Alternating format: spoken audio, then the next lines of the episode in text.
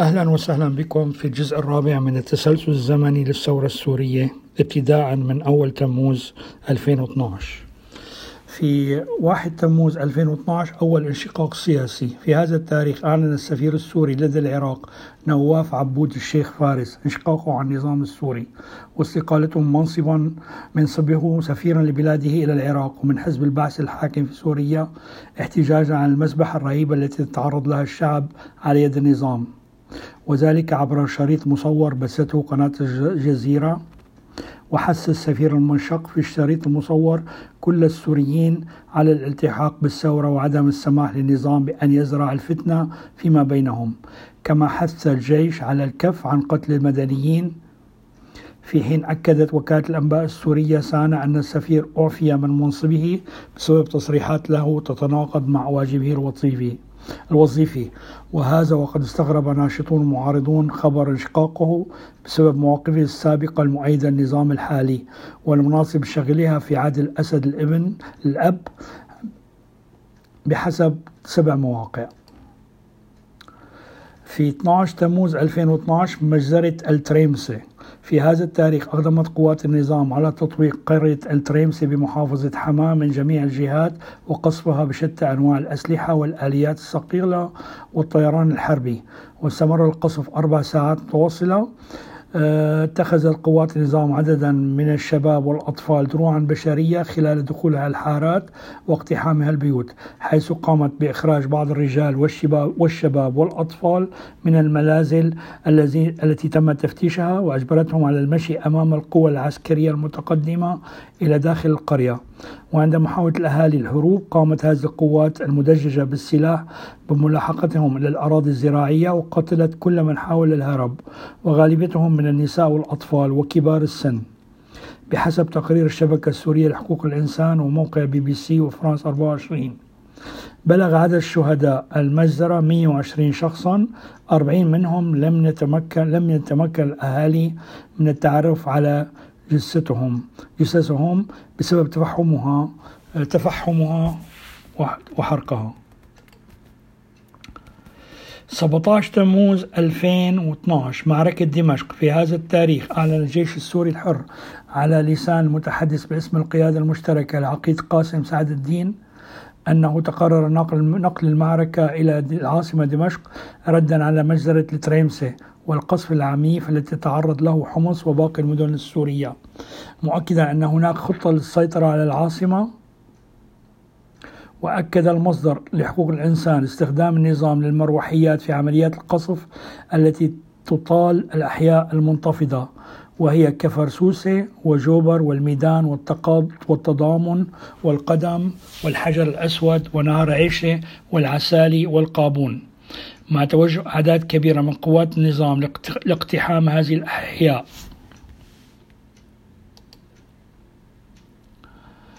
18 تموز 2012 أول استخدام للبراميل المتفجرة. في هذا التاريخ تم توثيق أول استخدام براميل متفجرة في مدينة داعل بريف درعا الشمالي. تسبب حينها بمقتل خمسة مدنيين بينهم طفلة وثلاث سيدات وجرح ثمانية آخرين.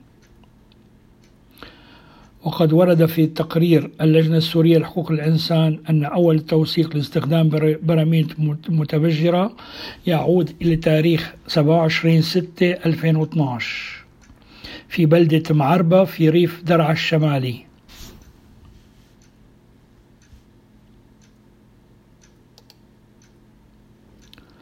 18 تموز 2012 هذا التاريخ مهم. مقتل خلية الأزمة. في هذا التاريخ قتل أربعة من أعمدة النظام. كانوا يحضرون اجتماعا دوريا لخلية الأزمة التي جرى تشكيلها بعيد إعلان اندلاع الثورة السورية.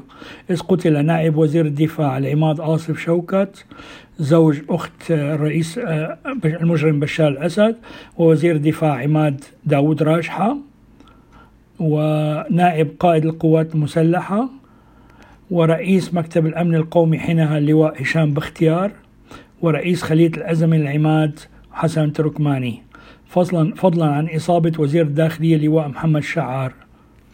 وغابت عن الاجتماع شخصيات كان من من المفترض حضورها كاللواء علي مملوك الذي كان يشغل منصب إدارة أمن الدولة واللواء جميل الحسن الذي كان يشغل منصب رئيس الاستخبارات الجوية واللواء عبد الفتاح قدسية رئيس شعبة مخابرات عسكرية.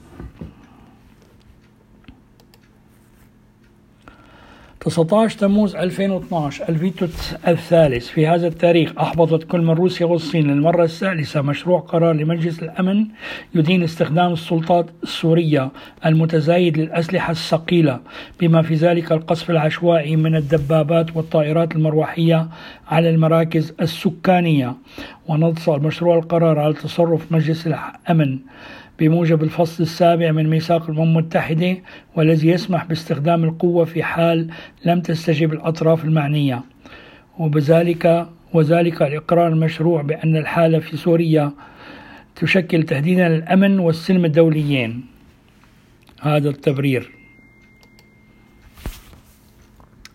في 14 تموز 2012 أوباما يحذر الأسد. في هذا التاريخ حذر الرئيس الأمريكي باراك أوباما نظام بشار الأسد. من استخدامه الأسلحة الكيماوية سيكون خطأ مأساويا سيحاسب عليه. وقال أوباما في خطاب ألقاه أمام قدام المحاربين في ولاية نيفادا بالنظر إلى مخزون الأسلحة الكيماوية للنظام السوري. نسعى إلى إفهام الأسد وأوساطه أن العالم ينظر إليهم وأنه ينبغي محاسبتهم أمام المجتمع الدولي والولايات المتحدة إذا ارتكبوا الخطأ المأساوي باستخدامها وأن بلاده تراقب عن كثب ما يحدث في سوريا. 2 آب 2012 استقالة كوفي عنان. في هذا التاريخ أعلن بان كي مون الأمين العام للأمم المتحدة استقالة كوفي عنان من مهمته كمبعوث للأمم المتحدة والجامعة العربية إلى سوريا.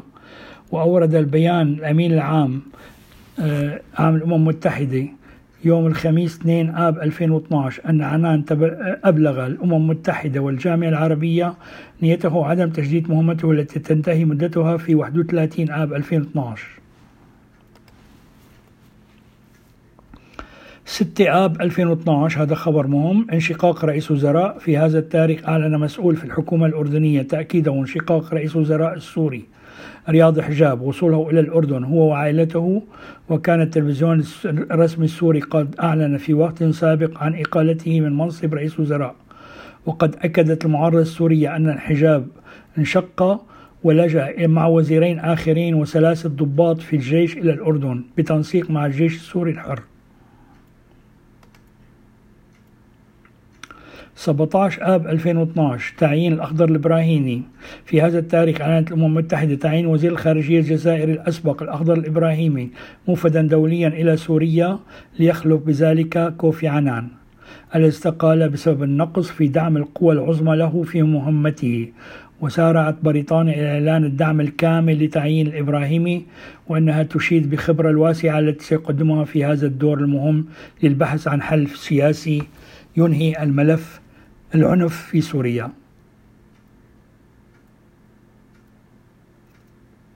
في حين صعد وزير الخارجية الفرنسي لوران فابيوس موقف بلاده من الأزمة في سوريا داعيا إلى إسقاط نظام الأسد سريعا. 25 آب 2012 مجزرة دارية في هذا التاريخ سيطرت قوات النظام على مدينة دارية بريف دمشق بشكل كامل بعد قصف استمر أربعة أيام متواصلة بشتى أنواع الأسلحة الثقيلة وبعد أن أغلقت مداخل ومخارج المدينة وقطعت كافة أشكال الاتصال لتبدأ عمليات الانتقام والقتل العشوائي والإعدامات الميدانية الجماعية وتصفية كافة عائلات بأكملها. كانت حصيلة هذه المجزرة. 524 شهيد. 524 شهيد. كلهم من المدنيين. بينهم 61 امرأة وأكثر من 1100 جريح و100 في أعداد المفقودين. 4 أيلول 2012 تدمير جزئي لكنيسة أم الزنار الأثرية. في هذا التاريخ قامت قوات النظام مجددا بقصف كنيسة أم الزنار في إطار حملتها العسكرية على حمص وحدث فيها الضرر الأكبر إذ تم تدمير أجزاء كبيرة منها وتخريب مراقد المطارنة في ساحة الكنيسة. وإلحاق أضرار كبيرة بمحتوياتها في الداخل. يذكر أن هذه الكنيسة تعرض للقصف مرات تتالية كان أولها في عام 2011 حيث تدمير حيث تم تدمير جرسها ولم تكن هذه آخرها. وقد وثق ناشطون ما تعرض له خلال هذه السنوات عبر فيديوهات قاموا بنشرها على شكل على شبكات التواصل الاجتماعي كما نفى الجيش الحر تعرضه للكنيسة بالقصف كما أدعى إعلام النظام عبر فيديو يوتيوب بثه ناشطون.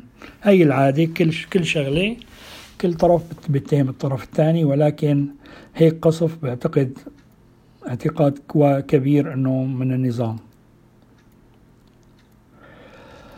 25 أيلول 2012 مجزرة حي الجورة والقصور في دير الزور. في هذا التاريخ اقتحمت فرق الموت متمثلة بقوات الحرس الجمهوري حي الجورة بدير الزور من جهة الغرب ونفذت إعدامات ميدانية رهيبة كان حصلتها بس حسب الناشطين أكثر من 400 شهيد.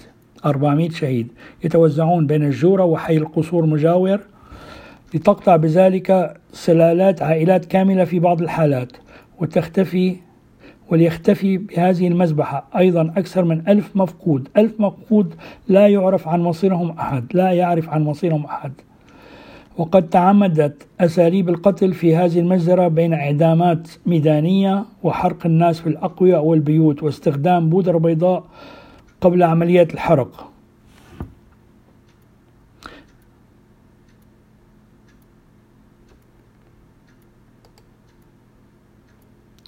23 تشرين الأول 2012 عفو عام. في هذا التاريخ أصدر المجرم بشار الأسد مرسوما منحه بموجهه عفو عاما عن جرائم مرتكبة على خلفية الأحداث التي وقعت في البلاد من تاريخ 15 آذار 2011 ولغاية تاريخ صدوره. شمل القرار المنشقين عن الجيش السوري الذين يسلمون أنفسهم للسلطات في نهاية قبل نهاية الشهر الجاري والمتظاهرين الذي عبروا عن احتجاجاتهم عن احتجاجاتهم بطرق سلمية وأولئك الذين سلموا أسلحتهم غير المرخصة للحكومة للجهات الحكومية.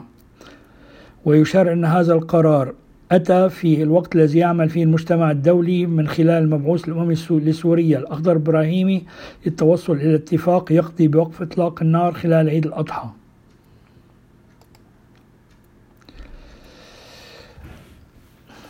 11 8 تشرين الثاني 2012 في هذا التاريخ تم الإعلان عن تشكيل الائتلاف الوطني للقوى السورية الثورة والمعارضة السورية بعد مجموعة من الاجتماعات التشاورية على مدى ثلاث أيام في الدوحة من 8 إلى 11 تشرين الثاني وتكون من 63 مقعدا.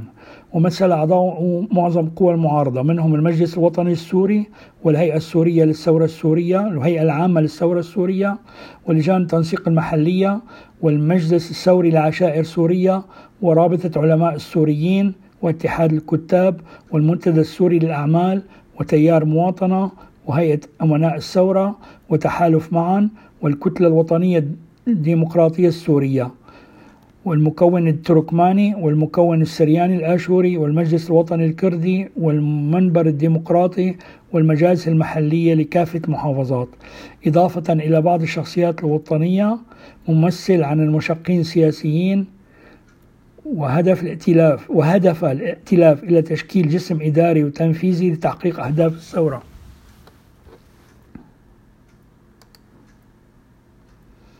واحد وعشرين تشرين الثاني 2012 اعتصام العرائس. في هذا التاريخ ظهرت أربعة فتيات ويرتدين أسواب العرائس وسط سوق مدحت باشا في دمشق ويحمل بصمت لافتات حمراء كتب عليها باللون الأبيض لأجل الإنسان السوري المجتمع المدني. يعلن وقف جميع العمليات العسكرية في سوريا. سوري مية بالمية. تعبتوا وتعبنا بدنا نعيش حل تاني. سوري مية بالمية. وسوريا إلنا كلنا سوري مية بالمية. واستمر الاعتصام مدة 20 دقيقة قبل أن تقوم قوات الأمن باعتقالهن ولم يمضي بضعة دقائق على اعتقال نشطات الأربعة حتى بدأت صفحات الفيسبوك وتويتر واليوتيوب بتشارك في الفيديو بالاعتصام ولحظات الاعتقال.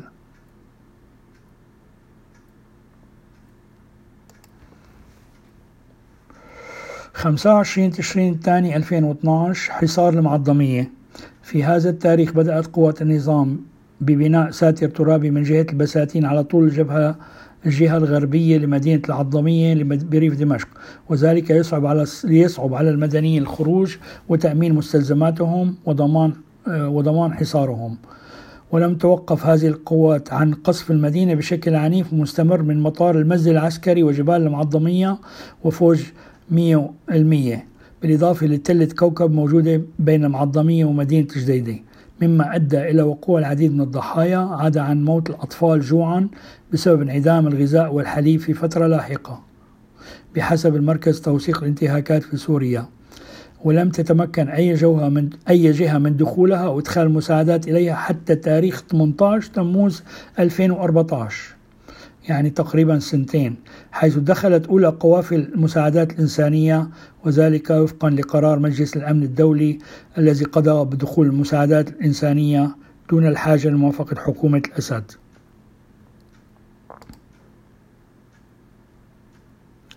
15 كانون الأول 2012 الجيش الحر يسيطر على مدرسة المشاة بحلب.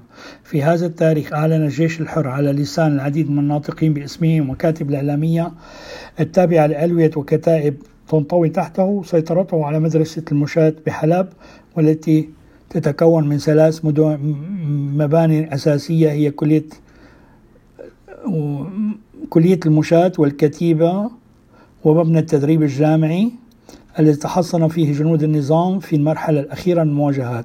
وكان النظام السوري يستخدم هذا الموقع لقصف مناطق مختلفة من حلب بعد يومين وبتاريخ 17 12 2012 وأثناء استكمال عمليات التمشيط تعرض بعض عناصر الجيش الحر بقيادة العقيد يوسف الجادر الملقب بأبو فرات لقصف مدفعي ادى استشهاده في حين ذكرت مصادر أخرى أن كتيبة من قوات النظام قامت باعتقاله وأعدامه ميدانيا.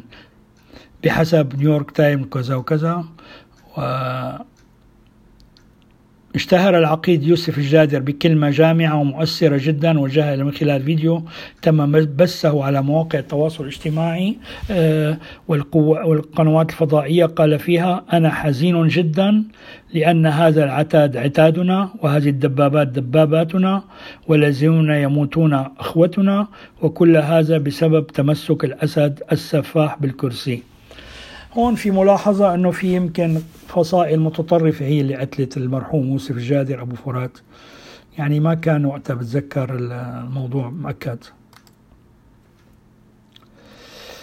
23 كانون الأول 2012 أنا رح كمل لآخر 2012 والجزء الرابع من الخامس بنعمله من بداية 2013 مجزرة الفرن في حلفاية. طلوع حدود 23 كانون الأول 2012 في هذا التاريخ أقدمت طائرة سخوي 22 على عمق إلقاء ثمانية قنابل كبيرة. تحمل كل منها 100 قنبلة صغيرة. على مجموعة مدنيين تجمعوا قرب فرن حلفاية بريف حماة لشراء الخبز. يسقط في هذه المجزرة 93 شهيد. تم توثيق 44 منهم بالاسم. في في حين تعذر التعرف على هويات الآخرين بسبب تطاير أشلائهم وتشوه جسامينهم. 99 شهيد تم التوثيق 44 والباقي ما تعرفوا عليه. 26 كانون الأول 2012 حصار مخيم ليرموك. في هذا التاريخ بدأت أولى ملامح حصار المخيم بعدما سمي آنذاك ضربة الميك حيث قامت قوات النظام والأول مرة بقصف عدة مواقع مدنية في مخيم يرموك بطائرات الميك الحربية. مما أسفر عن سقوط العشرات ما بين شهداء ومصابين حيث استهدف القصف عدة مراكز لإيواء النازحين وكان أغلب من سقط في تلك المجزرة من نازحي منطقة التضامن والحجر الأسود الذين كانوا قد هربوا منها نتيجة قصف قوات النظام لها واشتدت بعد ذلك قبضة النظام الأمنية وقصفه المركز على المخيم. وبدأ بنشر حواجز على طول الطرق المؤدية إليه ومنع دخول أي مواد غذائية أو طبية مما سبب نقصا حادا في الأدوية ومستلزمات الطبية الأولية كان كانت سببا في وفاة الكثيرين. شكرا لكم. هلأ خلصنا الجزء الرابع من أول تموز 2012 لآخر تموز 2012 وبالحلقة القادمة آه، بنبلش بال 2013